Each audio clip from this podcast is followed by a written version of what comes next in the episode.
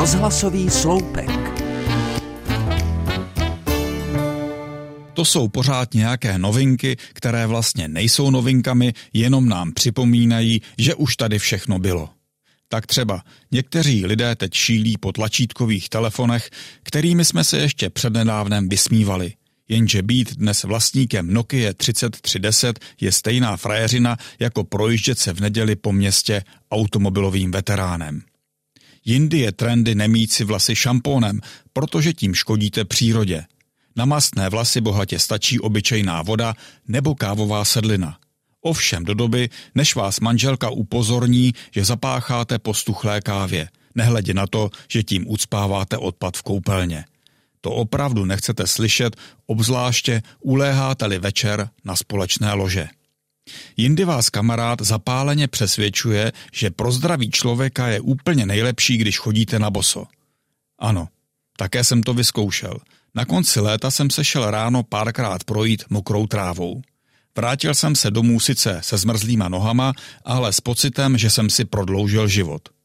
Ovšem třetí den ráno mě začaly bolet ledviny.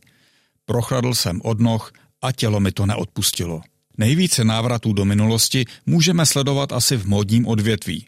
Proto jsou jednou kalhoty příliš úzké, po druhé příliš široké, vrací se trend nošení mrkváčů a tak dále. Podobná je to i s účesy. Za svůj život můžete vystřídat patku, háro i ješka.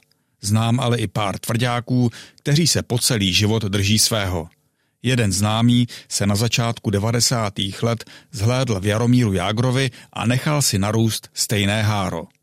Po 30 letech má už vlasy značně prořídlé a to tak, že nahoře není už téměř nic, ale od poloviny hlavy se s jistou dávkou fantazie dají najít stopy hřívy, která kdysi vlála 68 spod helmy.